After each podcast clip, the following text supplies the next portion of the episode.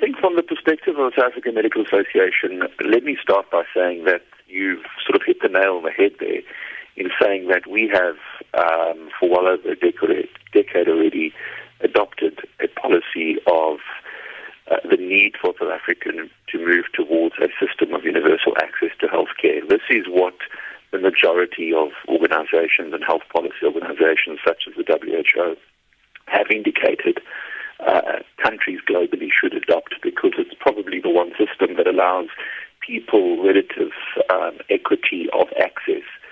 The, the, the issues that have been announced last week by the health minister unfortunately do provide certainly on the private healthcare side of things in terms of this one bill called the Medical Schemes Amendment Bill, some positive aspects, but unfortunately the devil is definitely there in the details. Um, however, on the national health insurance side of things, uh, we remain somewhat skeptical and conf- and and and concerned um, about the introduction of such a system. And I think for the absolute very reason that has just been um, elucidated in that in that insert. Um, and, and we would have to concur with, with, you know, with someone like Mark Heywood from Section 27 saying that we just cannot at the moment to get a grasp of how one plans to introduce such a system within the context of where we find ourselves at the moment, particularly within the within the public healthcare system. I, I can assure you that the vast majority of, of our membership who, who in fact are in the public healthcare system, myself included, find it very difficult to share in a vision of what is being proposed when for many of us we just want the you know the lifts in our hospital to work. We just want our pharmacies to be functional. And we want our patients to have access to, to beds when they need them in our in our hospitals. So I think it's quite difficult to understand such a vision at the moment and the introduction of such a vision when the public healthcare system is in such a state of of of, of dysfunction. Um, having said that, um, we would think that what would perhaps have been preferable last week would have been a comprehensive program of how this system that we find ourselves in is in fact going to be addressed. Sorry, um, Professor Sandrap, I've got to ask you a lot of questions if you can sure. answer a little bit shorter. Kom ons sure. kyk na iets anders. Uh Motsoaledi sê nou die tesorie met die finansiering vir so 'n plan voorsien. Het ons die geld daarvoor? Um I think in short the answer is no. Um, and I am afraid I think that is a little bit of a, of a, of a cop out because whilst Treasury and um, the you know the folks at Treasury will have to decide and, and figure out exactly the affordability of what we want to introduce, I think the health minister does have a responsibility to provide us with some sort of a framework as to how we're going to do this. We've lots about um, the the sort of pot of money within the private healthcare sector and how we're going to how we're going to utilize that. Um, but that's really not the answer, and it's not even going to be sufficient to cover such a system. So I think, in short, um, and maybe uh, just to say that this is not even us saying this, I think any reasonable economist and um, health economist would tell you that as things stand at the moment, we simply do not have the financing for such a system uh, as envisaged um, by the health minister last week. En dan boonop praat die minister van die implementering van die plan in 2026 is dit haalbaar? Um, I would think that is just a bridge too far at the moment. Um, it then comes back to the issues of the the the actual basics and the um, the positioning of the private and public healthcare systems to to accommodate such a system. Um, and I think 2026 is perhaps just a bridge too far. If you look at countries that have introduced universal access to healthcare systems, um, if we just take, and I mean, I mean, I think one needs to be careful. We're not comparing ourselves or saying we want the same system.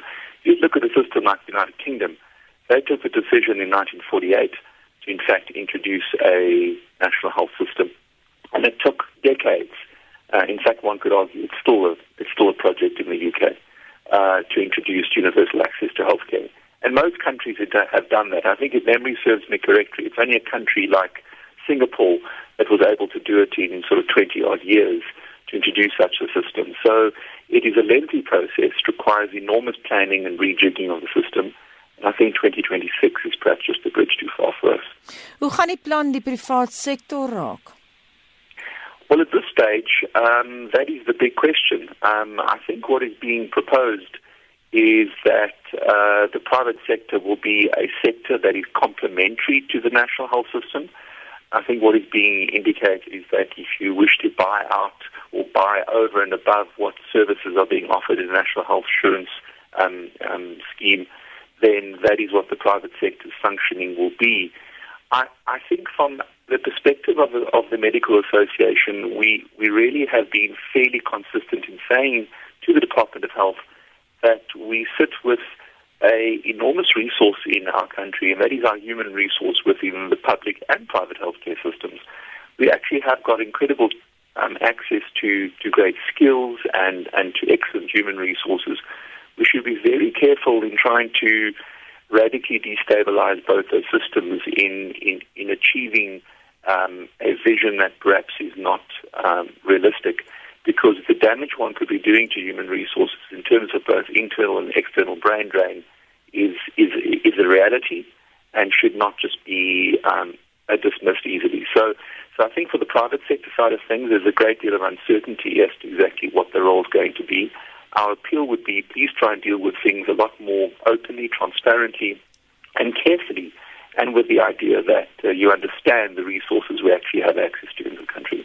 Professor Sonderop, jy praat van a great deal of uncertainty. Die minister was oor baie opsigte van die plan, baie vaag. Die beleid is tot dusver nog nie behoorlik gedebatteer nie. Dit moet nog deur netlek goedgekeur word, maar ek verstaan tot dusver was daar nog net een vergadering daaroor. Yeah, I mean, I think it's the vagueness and the lack of detail. Um, I would like to perhaps just hark back to a comment I made at the end of last week in saying that our initial feeling was that the whole plan was sort of thick on rhetoric and thin on detail, and perhaps that somewhat remains. Um, uh, the minister has been vague, and I think this is what is concerning most. And perhaps, Anita, I think one has to also just say that uh, my general sense is that there's been somewhat of a muted response to the whole plan. Uh, it certainly hasn't been seismic or volcanic as was predicted. And I think folks are just looking at this saying, we just cannot share this vision at the moment. You know, we're looking at something that is just somewhat too vague, uh, too thin on detail, and perhaps too visionary. And we really would appeal to the minister to not fall into the trap of turning something that the country actually does need and that is a systematic rearrangement of the healthcare services um, to avoid uh, irretrievable damage to both systems, I must add, uh, uh, to not turn it into a political objective. Um, and I, I, I, I would say with a degree of caution, but I think it's important that one does say it. One is somewhat left with a bit of lingering doubt in terms of um, are we turning something that the country actually needs into a little bit of a political objective? Um, and hence the reason that there's this lack of clarity and detail. So, so, so one is just left a little concerned, um, and we would hope that is not the case. What do you mean by political objective? Are you talking about the coming election?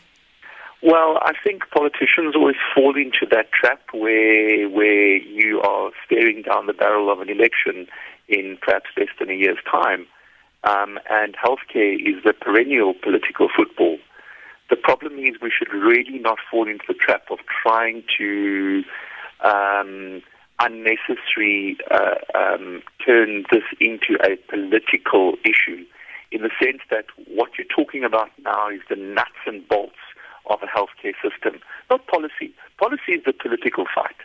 It's when you're talking about the actual practicalities of how a healthcare system is going to work and deliver care, let's not turn that into a political battle because the damage done there will be irretrievable. Verlede jaar het die regering se sogenaamde high level panel onder Galema Motlanthe 'n alternatief vir die minister se gesondheidsversekeringsplan voorgestel.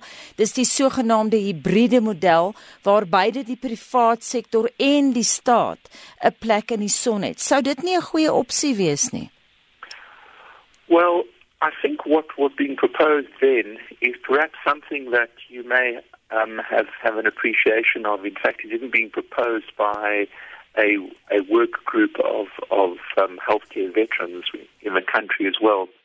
This has been suggested that perhaps we need to look at something that is a lot more practical. And I think that's, that's really what is being proposed and what was proposed there. Something that is just a lot more feasible, a lot more practical, and, and perhaps what one should be looking at is a starting point where you actually try and draw on the best of both so that everybody has a reasonable shot at, at, at reasonable access. That way you can start off from this hybridized system where, for example, the state could say, well, in terms of delivering primary health care services, um, we are having major challenges doing that. You know, our clinics, etc., waiting times are just not optimal. We can start purchasing primary healthcare services at a GP community level, for example. And you start hybridizing the public and private sector into a system where you start channeling at least primary healthcare services into a common pathway. And beyond that, sort of secondary and tertiary and quaternary care, you can then work on that over time as to how to continue hybridizing the system. I think at the moment what's being proposed is almost like a big bang approach. And again, I want to just emphasize many people are just not sharing this vision because the, the, the sort of area they're standing in, and I'm talking now particularly about the public healthcare system, they just want their hospital lifts to work, for example. So, so it's it's very difficult to share a vision when you're sort of in the middle of a of a of of something that's just just not functional. Thank you very much. Baie dankie dit aan die Suid-Afrikaanse Mediese Vereniging se adjunkvoorsitter professor Mark Sondrup.